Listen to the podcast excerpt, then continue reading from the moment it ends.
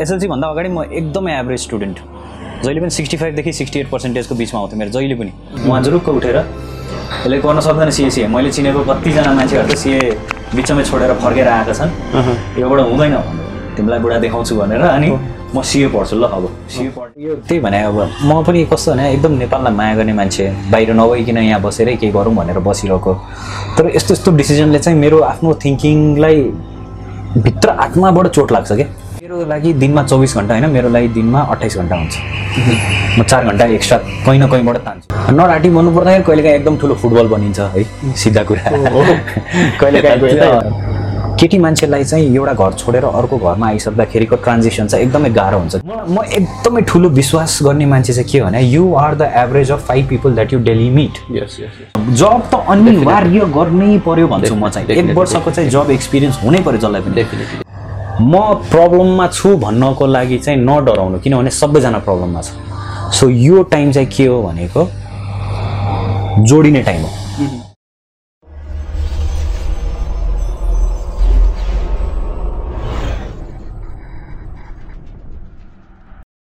उहाँको परिचय आवश्यक त नहोला तर उहाँलाई एक चार्टर्ड एकाउन्टेन्ट एक कुशल चलचित्र अभिनेता इन्टेरियर कन्स्ट्रक्सन तथा फुड एन्ड बेभरेज इन्डस्ट्रीसँग सम्बन्धित रहेर विभिन्न व्यवसाय कुशलतापूर्वक सञ्चालन गरिरहनुभएका युवा अन्टरप्रेन्यर भनौँ अथवा चर्चित अभिनेत्री वर्षा राउतज्यूको श्रीमान भनौँ सञ्जोग कोइराला नेपाली युवा पुस्ताको नजरमा एक चर्चित नाम हो। आज हामी उहाँको चलचित्र र पारिवारिक भन्दा अलि फरक व्यावसायिक यात्राको बारेमा गहिरो कुराकानी गर्दैछौँ। पहिलादेखिको कुरा गर्नु पर्दाखेरि चाहिँ कस्तो छ भने म चाहिँ एउटा क्ल्यारिटी पहिल्यैदेखि भएको मान्छेमा चाहिँ पर्दिनँ। अब अलवेज अ कन्फ्युज क्यारेक्टर होइन? एसएलसी गरेँ एसएलसीसम्ममा एसएलसीभन्दा अगाडि म एकदमै एभरेज स्टुडेन्ट जहिले पनि सिक्सटी फाइभदेखि सिक्सटी एट पर्सेन्टेजको बिचमा आउँथ्यो मेरो जहिले पनि। हेर्नै पर्दैन थियो रिपोर्ट कार्ड सिक्सटी फाइभदेखि सिक्सटी एट तपाईँको आठदेखि दससम्म जहिले पनि। जुन term first term second term third term जहिले भए पनि त्यसरी आउँथ्यो। एसएलसीमा चाहिँ खै के भयो? सेभेन्टी एट पर्सेन्ट आइदियो। अनि वा म त खत्रै पढ्दो रहेछु जस्तो लाग्यो। त्यसपछि कन्फ्युजन आफूलाई के बन्ने भनेर चाहिँ पहिलेदेखि सानोमा पनि के प्लान आफू के बन्ने भनेर चेन्ज भइरहेको थियो। कहिले पाइलट बन्नु मन लाग्थ्यो कहिले डक्टर बन्नु मन लाग्थ्यो होइन? त्यस्तै एउटा एम थिएन। अनि राम्रो पर्सेन्टेज आएपछि सबजनाले ल साइन्स साइन्स साइन्स पढ्नुपर्छ साइन्स पढ्नुपर्छ हुन्छ भने साइन्स पढ्ने भनेर ब्रिज कोर्स पनि साइन्समा लिएँ। अब कलेज जोइन गर्दाखेरि चाहिँ बिचमा के भने मेरो मभन्दा ठुलो दिदीलाई एकजना ट्युसन टिचर पढाउन आउनुहुन्थ्यो कि। अनि उहाँले चाहिँ अकाउन्ट्स मेरो दिदी चाहिँ के अरे कमर्स ब्याकग्राउन्डमा हुनुहुन्थ्यो उहाँले चाहिँ अकाउन्ट्स पढाउनुहुन्थ्यो। अनि उहाँले मेरो एक्टिभिटिजहरू अब्जर्भ गर्नुहुन्थ्यो कि। अनि त्यो भएपछि उहाँले चाहिँ परिवारमा एक दिन म पनि भएको बेलामा बाबुलाई सिए पढाए हुन्छ नि त कमर्सको एकदमै च्यालेन्जिङ फिल्ड हो। ल तर मान्छेले सक्दैन। उसले चाहिँ सक्ला भनेर भन्नुभयो। त्यही बेला एकजना अलिकति फार डिस्टेन्सको हजुरबा पनि हुनुहुन्थ्यो क्या। उहाँ जुरुक्क उठेर यसले गर्न सक्दैन सिए सिए मैले चिनेको कतिजना मान्छेहरू त सिए बिचमै छोडेर फर्केर आएका छन्।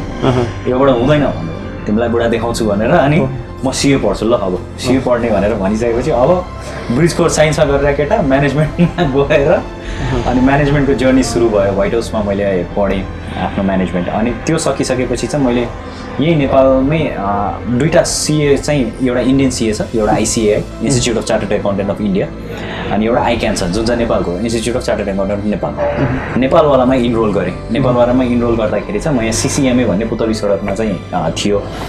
सो त्यहाँ पढ्दै थिएँ। त्यसपछि मलाई नेपालको खै के किन किन त्यो घरमा बसेर पढ्ने खालको इन्भाइरोमेन्टै बन्ला जस्तो लागेन कि। अनि मेरो स्कुलदेखिको साथीहरू चाहिँ कतिजना चाहिँ पुनामा थियो।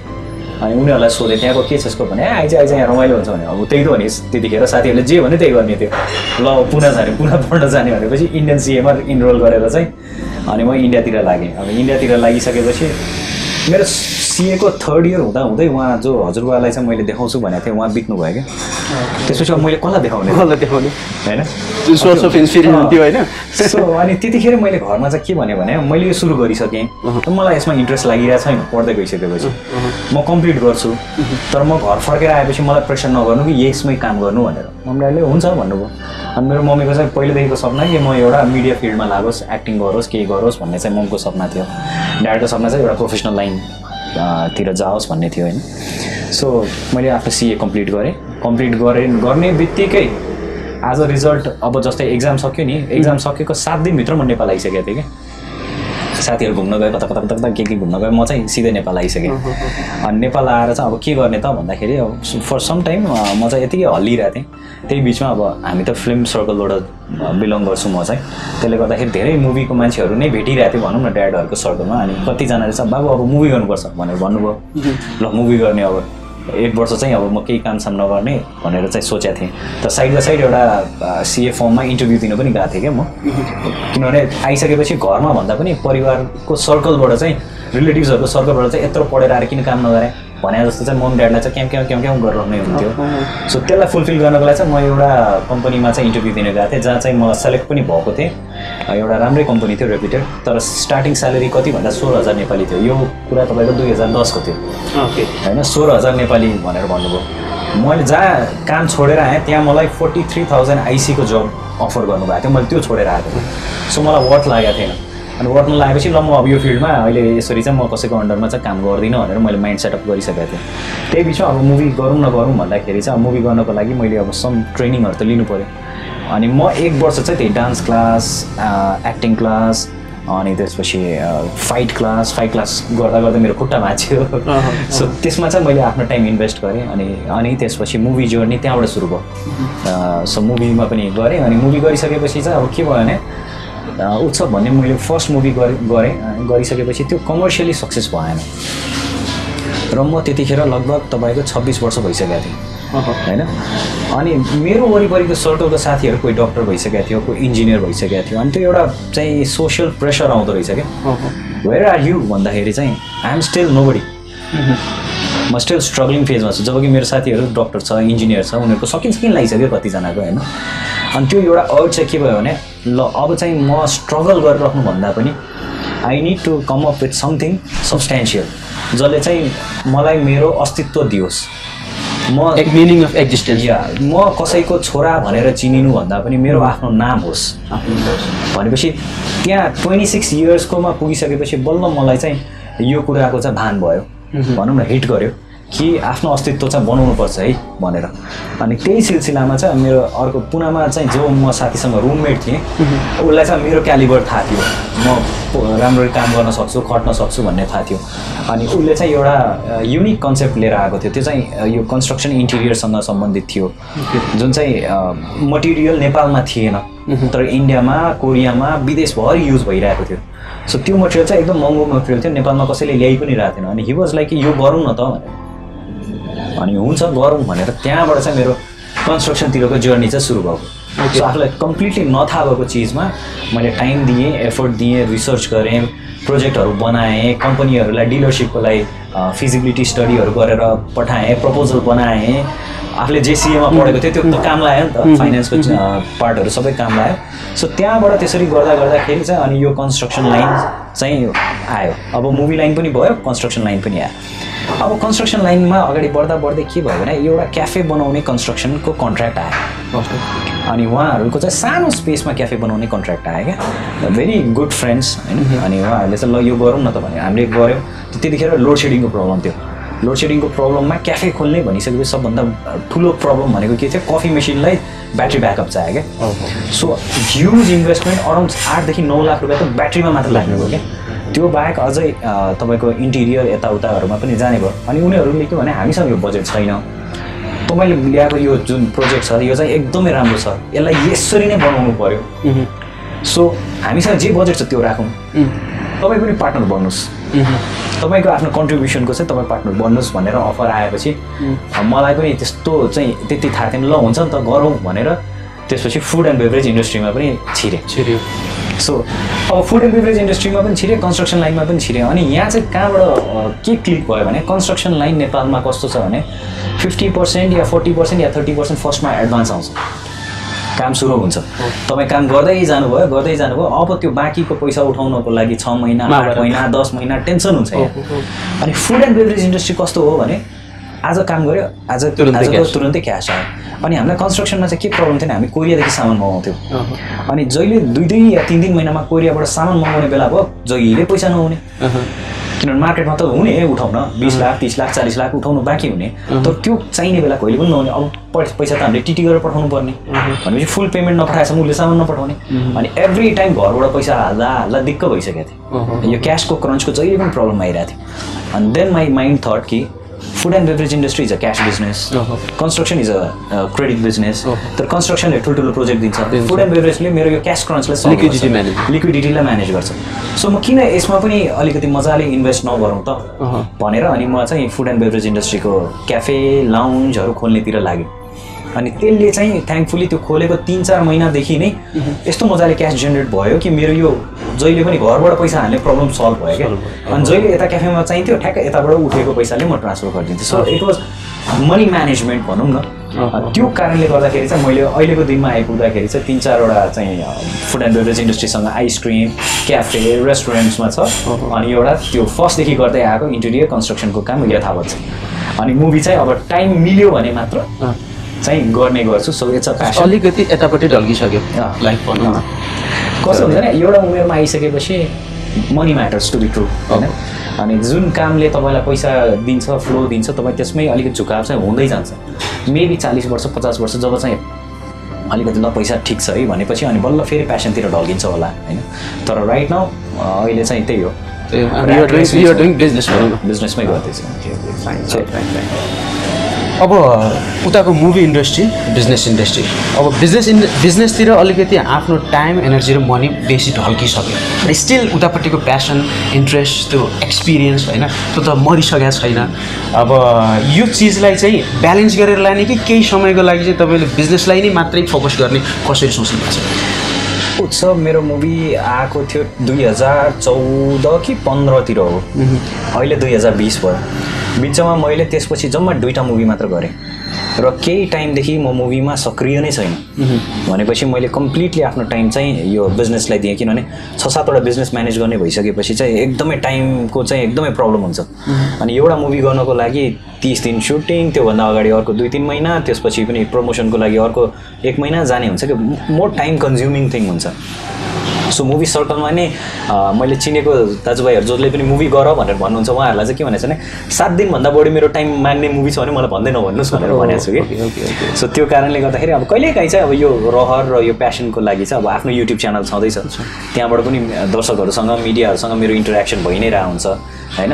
अनि अब मेरो वाइफ चाहिँ यही मिडिया लाइनमै छ। सो मेरो सपना उसको थ्रुबाट पनि पुरा भइरहेको देखि नै रहेको छु? त्यस्तै जनरमा त्यही सर्कलभित्र नै हुनुहुन्छ. आफू काम गर्न नपाए पनि प्रेजेन्स चाहिँ फिल भइरहेको त्यो त्यो त्यो त्यो कहिले मिस हुन पाएन होइन? अनि बिच बिचमा कुनै एड कुनै टिभिसी कुनै केही न केही केही न केहीमा इन्भल्भ त भइ नै राख्छु छ। अलिकति हामी क्रिटिकल टाइममा पनि भनौँ भयौँ होइन? अब कस्तो भइदियो भने हामीहरूको जेनेरेसनदेखि लागि यो खालको सिचुएसन सायद कम्प्लिटली लक भएर घरमा बस्ने परिवारसँग बस्ने जे मन लाग्छ त्यो गर्ने तर के गरि गरिरहेछौँ हामीले त्यो गर्न चाहिँ नपाउने। यो सिचुएसन चाहिँ सायद लाइफ टाइम एक्सपिरियन्स होला। यसलाई कसरी लिनुभयो कसरी चाहिँ यो टाइममा बिताउनु भयो र नेक्स्ट मुभको लागि चाहिँ कसरी आफ्नो माइन्ड सेट प्रिपेयर गरिरहनु भएको छ? एउटा के भन्यो भने हाम्रो यो जुन जेनेरेसन हो यसलाई चाहिँ भगवान्ले कठिन टेस्टै गरिरहेको जस्तो लाग्छ। अब अहिलेको मात्र होइन भूकम्प पनि हेऱ्यौँ होइन नाकाबन्दी पनि भयो। गरिरहेको बिजनेसहरू त सबै यही चिजहरूले त थप्प त भएको थियो नि। त्यसपछि फेरि अब यो अहिले आएर कतै नभएको जात्रा हाम्रै देशमा मात्र भए जस्तै छ। फर्स्टमै लकडाउन जुन हिसाबले गरेर कडाइ गर्नुपर्ने थियो त्यो भएन। लकडाउनभन्दा पनि पहिला नै खुकुलो बनाएको कारणले आज तिन महिनासम्म हुँदाखेरि पनि कम्प्लिटली लकडाउन खुलेको छैन। अब यो खुलिसकेपछिको आफ्टर म्याच चाहिँ नयाँ स्टार्टअप गर्नेहरू हामी जस्तै भनौँ न जसले चाहिँ के गर्छौँ भने हामी म्याक्सिमम् भयो भने दुईदेखि तिन महिनाको मात्र ब्याकअप राखेर हिँड्छौँ। म्याक्सिमम् कतिजना त अझ डेली सञ्चालनको खर्चले नै धान्नेहरू हुनुहुन्छ। त्यस्तो त कति कम्पनीलाई फरक पर्यो पर्यो होला। मेरो विचारमा अब यो लकडाउन खुल्ने बित्तिकै रेन्टको स्टाफको हुन्छ नि कतिजनाले बन्दै गर्नुभयो होला। मेरो पनि कतिवटा आउटलेट त अब सार्नुपर्ने स्थितिमा छ। होइन? सो दुई साढे दुई वर्षदेखि म जुन यो फुड एन्ड बेभरेज इन्डस्ट्रीमा लागिरहेको थिएँ त्यसलाई चाहिँ सबभन्दा ठुलो धक्का परेको छ। र म जस्तै सानो सानो बजेटबाट स्टार्टअपहरू गरिराख्ने मान्छेहरूको लागि चाहिँ एकदमै ठुलो नै यो आपत्ति विपत्ति हो। अनि फर सम स्ट्रेन्ज रिजन हाम्रो गभर्नेन्सले यो कुरालाई केटरै गरेन क्या। जस्तै मै सँगसँग स्टार्ट गरेको मेरो विदेशमा रहेको साथीहरू जसलाई चाहिँ केही रिलिफको दरमा चाहिँ मान्छेहरूले के अरे कन्ट्रीहरूले ट्याक्स रिफन्ड दिए कसैलाई चाहिँ घर बसी बसी नै पैसा हालिदिए होइन कसैलाई चाहिँ ल वान पर्सेन्ट या टू पर्सेन्टमा लोन बिना धितोको लोन स्याङ्सन गरिदिए चाहियो भने अरू पनि माग भनेर दिए। जस्ट कन्डिसनली जति स्टाफलाई हालेको छौ उनीहरूलाई निकाल्न पाउँदैनौँ उनीहरूको स्यालेरी काट्न पाउँदैन। हाम्रो त यहाँ भगवान् भरोसे जे गर्ने हो गर। अझै त्यही माथि एउटा बिजनेस पर्सनलाई त घरबेटीलाई रेन्ट पनि उसैले दिनु पऱ्यो। स्टाफलाई स्यालेरी पनि। उसैले दिनु पऱ्यो सरकारलाई ट्याक्स पनि उसैले तिर्नु पऱ्यो ब्याङ्कबाट लोन लिएको छ उसलाई पनि फेरि महिनामा चाहिँ तपाईँको किस्ता भन्दै बुझ- बुझाउनु पऱ्यो। अब यो बिजनेस पर्सनले भनेको मैले त मैले कतै कतै भन्दाखेरि यो त रुख हो। बिजनेस भने त रुख हो। मैले रुखलाई नकाटौँ न सबै मिलेर रुख रुख- रुखलाई बचाउनु पर्ने बेलामा यो त सबै मिलेर रुखलाई काट्ने सिचुएसन आइरहेको छ हाम्रो जस्तो कन्ट्रीको विडम्बना भनौँ न एउटा किसिमको एउटा लिडरसिपकोदेखि लिएर हरेक सिचुएसनको विडम्बना सबैजनाले आफ्नो मात्रै हेर्ने बानी परेको। यो मलाई पनि एकदम दुःख फिल हुन्छ। अब यो त्यही भने अब म पनि कस्तो भने एकदम नेपाललाई माया गर्ने मान्छे बाहिर नगइकन यहाँ बसेरै केही गरौँ भनेर बसिरहेको। तर यस्तो यस्तो डिसिजनले चाहिँ मेरो आफ्नो थिङ्किङलाई भित्र आत्माबाट चोट लाग्छ क्या। जुन स्ट्रेन्थको साथ ल अब यो गर्ने यो गर्ने यो गर्ने यो- गर्ने भनेर गरेर हुन्छ नि सपोर्ट चाहिएन क्या। सरकारबाट सपोर्ट चाहिएन सरकारबाट केही एक्सपेक्ट गरेको होइन। तर यस्तो पनि वातावरण नबनाइदियो कि हामी आफ्नो खुट्टामा आफै उभिन पनि नसक्नु कि मलाई केही अनुदान चाहिएन। मलाई केही अरू एक्सपेक्टेसन चाहिएन। होइन? मलाई आफ्नो तरिकाले आफ्नो काम गर्ने सहज इन्भाइरोमेन्ट मात्र बनाइदियो भने पनि पुग्यो कि? पुग्यो। हामी काम आफै गर्छौँ त्यसलाई टेन्सन छैन। सहयोग पनि चाहिएन। तर त्यो कमसेकम त्यहाँनिर त झटारो हान्नु भएन। जुन रुखहरू हामीले सानैदेखिबाट सिड गर्दै गर्दै गर्दै लिएर गइरहेछ त्यसको जरै उखाल्ने खालको त नियम नियतिहरू त ल्याउनु भएन नि त होइन? सबैलाई एकचोटि सर जहिले पनि फस्ने भनेको के हो भने नि अप्पर क्लास कहिले पनि त्यति एफेक्टेडमा पर्दैन। जस्तै अप्पर क्लासहरूको लागि अहिले के भइदियो भने ब्याङ्कमा ठुल्ठुलो प्रोजेक्टहरूको तपाईँको के अरे लोनहरू छ भने रिन्यू गरिदिएछ टेन पर्सेन्ट होइन? त्यसलाई क्यापिटलाइज गरिदिएछ र सरकारले टु पर्सेन्ट दिने ब्याङ्कले थ्री पर्सेन्ट मात्र चार्ज गर्ने भनेपछि फाइभ पर्सेन्ट इन्ट्रेस्टमा आइरहेछ अहिले उनीहरूलाई। भनेपछि तपाईँको करोडौँको प्रोजेक्ट छ भने तपाईँलाई टेन पर्सेन्ट आयो भने तपाईँको लागि अब तिन महिना छ महिना चल्नको लागि ब्याज त म्यानेज भयो। मिडल क्लास जो चाहिँ अलिकति स्ट्रगल गरेर जसले चाहिँ इकोनोमी धानेको छ भनौँ न जसले चाहिँ कन्ट्रीको इम्प्लोइमेन्ट धानेको छ। म्याक्सिमम् भनेको यही क्लासमा पर्छन् मान्छेहरू। उहाँहरू चाहिँ जहिले सफर भयो क्या? अब यो देश नीतिको कुरा गरेर फाइदा छैन। अब हामीले के गर्ने हो भनेर सोच्दाखेरि चाहिँ हाम्रो कस्ट कसरी कम गर्ने? हो कतिवटा हार्ड डिसिजन हुन्छ कतिजना स्टाफलाई ले अफ गर्नुपर्छ कतिवटा बिजनेसलाई अहिले टेम्पोरेरी सटडाउन गर्नुपर्छ कतिवटा प्रोजेक्टहरू हामीले सोचेकोलाई अहिले जान मिलेन। अबको छ महिना वेट एन्ड वाच सिचुएसन हो। के हुन्छ मान्छेले कसरी लिन्छ मान्छेको बिहेभियर चेन्जेसहरू के आउँछ त्यो हेरेर मात्र अबको दसैँ या तिहारपछि मात्र अब फेरि केही इन्भेस्टमेन्ट गर्ने या नगर्ने या के गर्ने भन्ने कुराको एन्सर चाहिँ त्यतिखेर बल्ल मात्र देखिन्छ। अहिले भनेको जे छ त्यसलाई जोगाउनेतिर मात्र लागिरहेछ ठिक छ, डिफेन्स राइट हो। लङ टर्म मिडियम टर्म जति पनि गोल थियो यसलाई साइड राख्ने। अहिले तत्कालमा सस्टेनेबिलिटी गोल बनाउने। त्यसको लागि दायाँ बायाँ केही नसोच्ने। लजिकली डिसिजन लिने र अनि त्यसपछि एक्सनमा गइहाल्ने। होइन योभन्दा अरू विकल्प केही पनि केही पनि विकल्पै छैन अहिले। अहिले कसरी हुन्छ आफू सर्भाइभ गर्नु पर्यो। तपाईँको घर चाहिँ ढल्न दिनु भएन। भएन।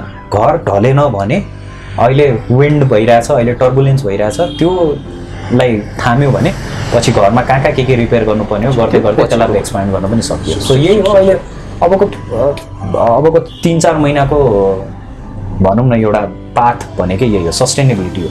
अलिकति एउटा अब फरक टपिकमा कुराकानी गरौँ। खासमा यही एज हाम्रो एज ग्रुप मिल्ने र यही सिचुएसन सर्कमस्टान्सेसबाट पनि मैले फिल गरेको कुरा र मैले देखेको कुराकानी। एउटा रिसेन्टली म्यारिड हस्बेन्ड होइन?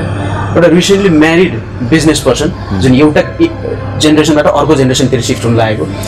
त्यही छोरा त्यही ज्वाइँ त्यही साथी सर्कल यो सम्पूर्ण चिजलाई म्यानेज गर्दा गर्दै फेरि युथलाई चाहिँ मोटिभेट गर्ने जुन खालको काममा लाग्नु भएको छ। यसलाई कसरी हेर्नुहुन्छ? यसलाई हेर्ने भन्दा पनि कसरी ब्यालेन्स गर्ने भन्ने हो होइन? र सबभन्दा ठुलो कुरा भनेको चाहिँ यसमा टाइम म्यानेजमेन्ट र एफर्ट म्यानेजमेन्ट हो। म के गर्छु मेरो लागि दिनमा चौबिस घन्टा होइन? मेरो लागि दिनमा अट्ठाइस घन्टा हुन्छ। म चार घन्टा एक्स्ट्रा कहीँ न कहीँबाट तान्छु भन्नाले म दुई घन्टा अगाडि उठ्छु र दुई घन्टा लेट सुत्छु। अगाडि भनेको कति बजे? दुई सेलेक्ट भनेको कति बजे? म जेनरली चाहिँ तपाईँको four thirty to four forty फाइभमा निन्द्रा बिउजिसक्छ तर अल्छी गर्दा गर्दै उठ्दाखेरि सवा पाँच बज्छ। सवा पाँच बजेदेखि उठेर भनौँ न म आई स्टार्ट अर्ली अनि म कस्तो खालको चाहिँ टाइम फ्रिक भन्नु या तपाईँ एकदम टाइम बााउन्ड भन्नु भने नि म समयलाई एकदमै भ्याल्यु गर्छु कि।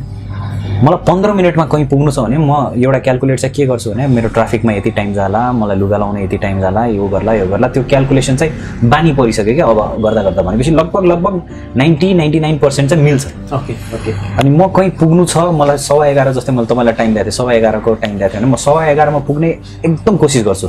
केही कारणले म पुग्न सकिनँ भने त्यो टाइमभन्दा अगाडि तपाईँलाई मेरो मेसेज आइसक्छ कि म यति मिनट लेट हुन्छु या म यस्तो छु भने कम्युनिकेसन चाहिँ हुन्छ। र जस्तै साथीभाइहरूसँग बसेको छु अहिले होइन रमाइलो गफै भइरहेछ। तर तिस मिनटपछि मलाई कहीँ जानु छ। भन्यो भने साथीभाइहरूले त बस्न बस ह्या के हुन्छ भनेर भन्छ। कतिजना बस्नुहुन्छ नि? म त्यसरी बस्दिनँ क्या। म पछि बस्छु अहिले चाहिँ म जानुपर्छ।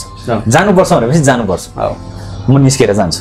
म त्यो अर्को जुन ठाउँमा पुग्नुपर्ने हो त्यहाँ जान्छु भनेपछि आफ्नो एउटा डिसिप्लिन बनाएको छु एउटा डिसिप्लिन र मेजर भनेको सेन्टर भनेको ब्यालेन्स एउटा. डिसिप्लिन बनाएको छु त्यो त्यो त्यो डिसिप्लिनले गर्दाखेरि चाहिँ मलाई गभर्न गर्छ क्या अनि रह्यो अब फ्यामिली लाइफसँग रिलेटेड कुराहरूलाई चाहिँ ब्यालेन्स गर्ने कुरा। त्यो चाहिँ ममा मात्र डिपेन्डेन्ट नभएर मेरो वरिपरिको मान्छेमा पनि डिपेन्ड हुने कुरा हो त्यो। सो मैले घरमा चाहिँ यस्तो इन्भाइरोमेन्ट बनाइदिएको छु कि दे आर अन्डरस्ट्यान्डिङ कि यसको अहिले चाहिँ एकदमै काम गर्ने टाइम हो।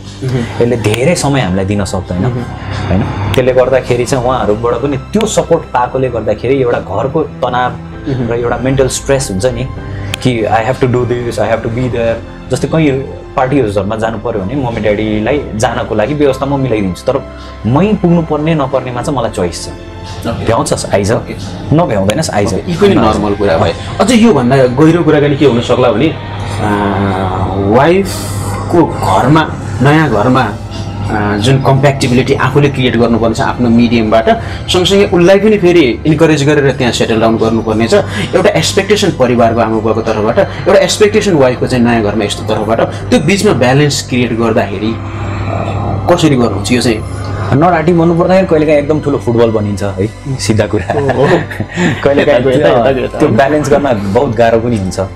तर सकेसम्म हामीले कोसिस के गर्ने हो भने दिमागमा के राख्नु पऱ्यो भने अब मेरो फ्यामिली एउटा होइन दुइटा they are two dads they are two moms होइन? अनि केटी मान्छेलाई चाहिँ एउटा घर छोडेर अर्को घरमा आइसक्दाखेरिको ट्रान्जिसन चाहिँ एकदमै गाह्रो हुन्छ। किनभने हामी ससुराली जाने भनेको सर्टेन टाइमको लागि मात्र हुन्छ। तर ऊ घरमा आउने भनेको त बिहानदेखि बेलुकासम्मै त्यही हो। भनेपछि उसको लागि सहजीकरण उसलाई घर जस्तो फिल गराउनको लागि चाहिँ हामीले गर्नुपर्ने कामहरू चाहिँ गर्नुपर्छ। भन्नाले कति कुराहरू चाहिँ हुन्छ नि समाजले नै बुहारीले गर्नुपर्ने भनेर ट्याग लगाइदिन्छ हाम्रो त- हाम्रो त- त्योलाई चाहिँ बसेर आफ्नो परिवारको मम्मी ड्याडीहरू सबैलाई चाहिँ सम्झाउनु पर्छ कि पहिलाको जस्तो जमाना भएन। अहिले जो बुहारी छ ऊ पनि वर्किङ हो। होइन? तपाईँहरूको पालामा अलिकति डिफ्रेन्ट थियो। यो पालामा अलिकति डिफ्रेन्ट छ। कति कुरामा तपाईँहरूले कम्प्रोमाइज गर्नुपर्छ? कति कुरामा हामी गर्छौँ। म गर्छु ऊ गर्छ होइन हामी गर्छौँ दुवैजना। केही पनि कुरा चित्त बुझेन। डाइरेक्ट भन्नुभन्दा पहिला सुरु मलाई भन्नुहोस्। म त्यसको सोल्युसन निकाल्छु। मैले वाइफलाई पनि त्यही भनेको छ। केही कुरा घरमा अप्ठ्यारो भयो केही कुरा भन्नु पऱ्यो पहिला सुरु मलाई भन्नु म त्यसो त्यता कसरी गर्ने भनेर एउटा मिडिएटर चाहिँ फर सम टाइम चाहिँ बन्नै पर्छ। अब त्यो सुरुवाती फेजमा बेसी थियो होला मिडिएटर भन्ने। अहिले बिस्तारै बिस्तारै रिलिज हुँदै गएर दुइटैको इन्टरेक्सन बेसी हुन थालेको छ होला होइन? त्यसले आफूले आफूलाई हाम्रो हाम्रो त भइसक्यो त्यो एक- एकछिनको लागि निकालेको टाइम हो नि त्यो भनेको मिडिएटर टाइम हो। केही समयपछि त जसको सम्बन्ध छ नि त बुहारीको र आमाको एउटा सम्बन्ध छ त्यो डाइरेक्ट बनाउने काम हाम्रो भयो। यो यो सिचुएसन चाहिँ यो चाहिँ हाम्रो टिपिक टिपिकली नेपाली समाजमा जुन एउटा बुहारी भनिसकेपछि हेर्ने दृष्टिकोण फरक हुन्छ होइन? बुहारीलाई आउने बित्तिकै यसमा कस्तो ब्याकग्राउन्डबाट आएको रहेछ के के गर्न जाने रहेछ कस्तो रहेछ भनेर एउटा परिवारदेखि लिएर सोसाइटीले हेर्ने र एउटा बुहारीलाई फेरि भर्खरको घर छोडेर आइसके पछाडि यहाँ आएर कम्प्याक्टेबल पनि बन्नु छ र सबै कुराको जवाफदेही पनि बन्नु छ उत्तरदायी पनि निभाउनु छ। यो कुराको च्यालेन्जमा चाहिँ केटा मान्छेको रोल चाहिँ एकदम क्रिटिकल मैले देखिरहेँ एकदम राम्रो कुराकानी गर्नुभयो यसमा।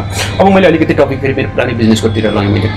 अब आजको दिनमा बिजनेस सुरु गर्न खोजेको एउटा युथ ट्वेन्टी फाइभ इयर्सभन्दा कमको मान्छे।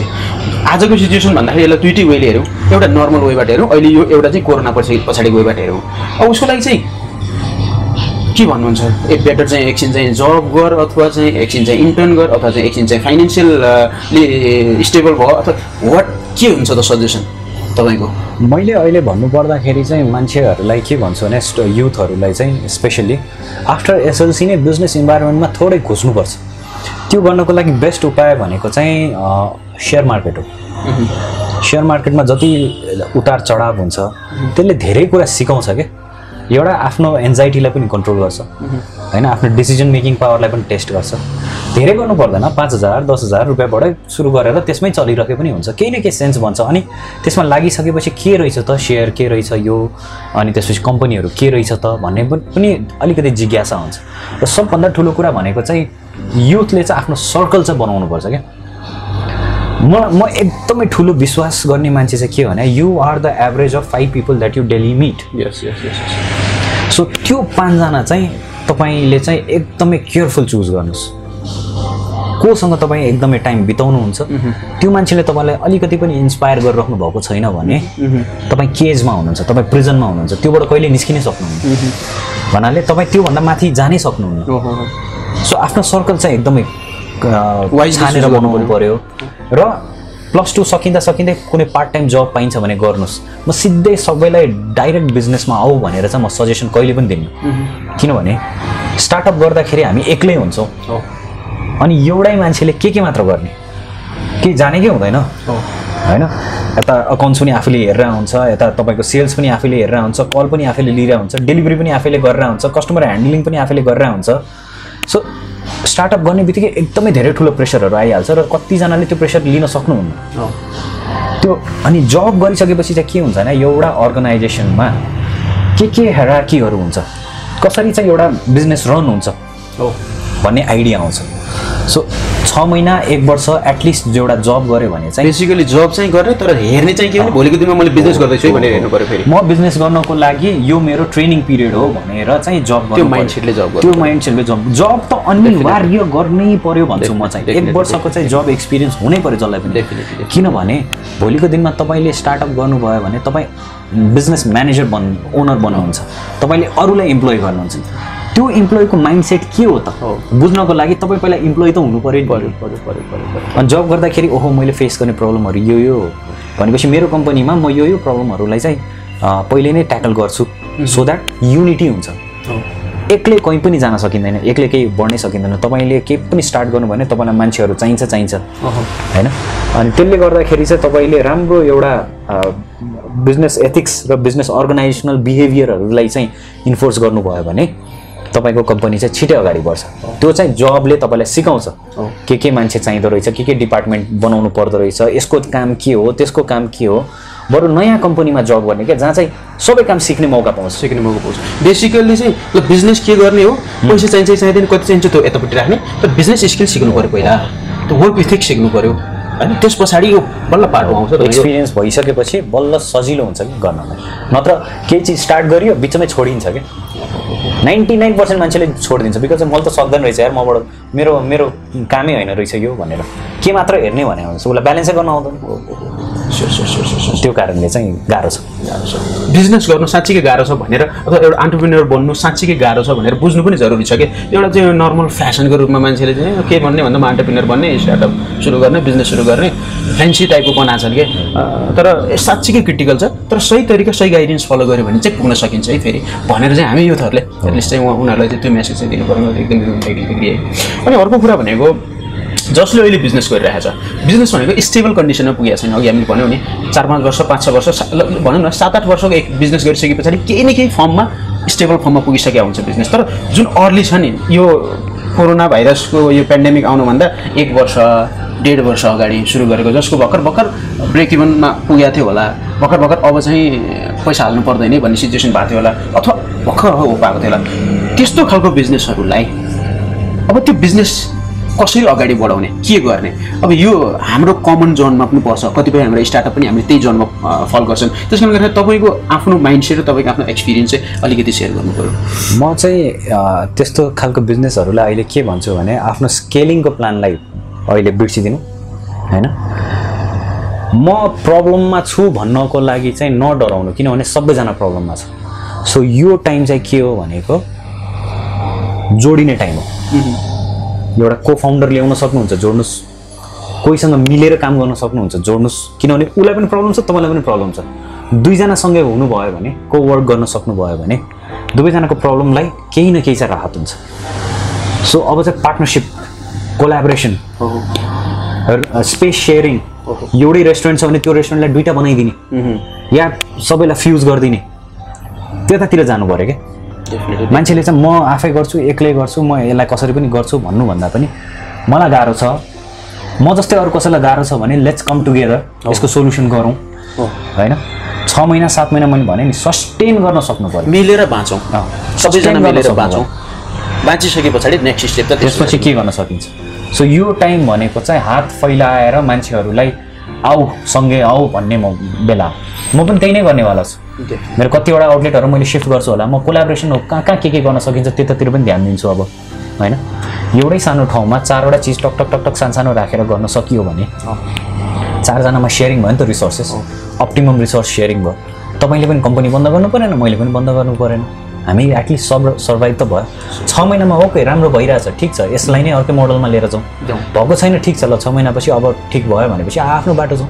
अथवा कम्बाइन मोडल हुन्छ कि जस्तो अनलाइन प्रेजेन्स देखाउनको लागि अहिले कस्ट क्लियर पर्छ भने चार पाँचवटा सिमिलर होइन ग्रुप अफ पिपल मिलेर र अनलाइन प्लेटफर्म मिलाएर अनलाइन एउटा लजिस्टिक डेलिभरीको प्लेटफर्म मिलाएर गराउन सकिन्छ सकिन्छ। त्यसैले गर्दाखेरि मैले पनि हजुरको कुरालाई नै मैले जोड थोरै जोडेँ।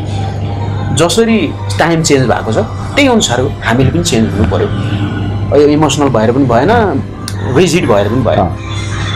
एरोगेन्ट हुनु भएन अहिले बिजनेसमा basically you need to be very flexible सुन्नु सबैको गर्नु आफ्नो मनको तर मनलाई चाहिँ एकदमै कडा चाहिँ नबनाउनु अहिले। होइन? बी फ्लेक्सिबल धेरै खुसी लाग्यो है। नर्मल ओभरअल कुराकानी बिजनेसको बारेमा कुराकानी गरियो। अब नेक्स्ट आगामी दिनहरूमा डिफ्रेन्ट टपिकमा यस्तै किसिमको कुराहरूमा यही जनरभित्र बसेर business entrepreneurship youth leadership youth मोटिभेसनको business टपिकमा बसेर फेरि कुराकानी गरौँला। अहिले चाहिँ खुसी लाग्यो। Thank you so much thank you for having me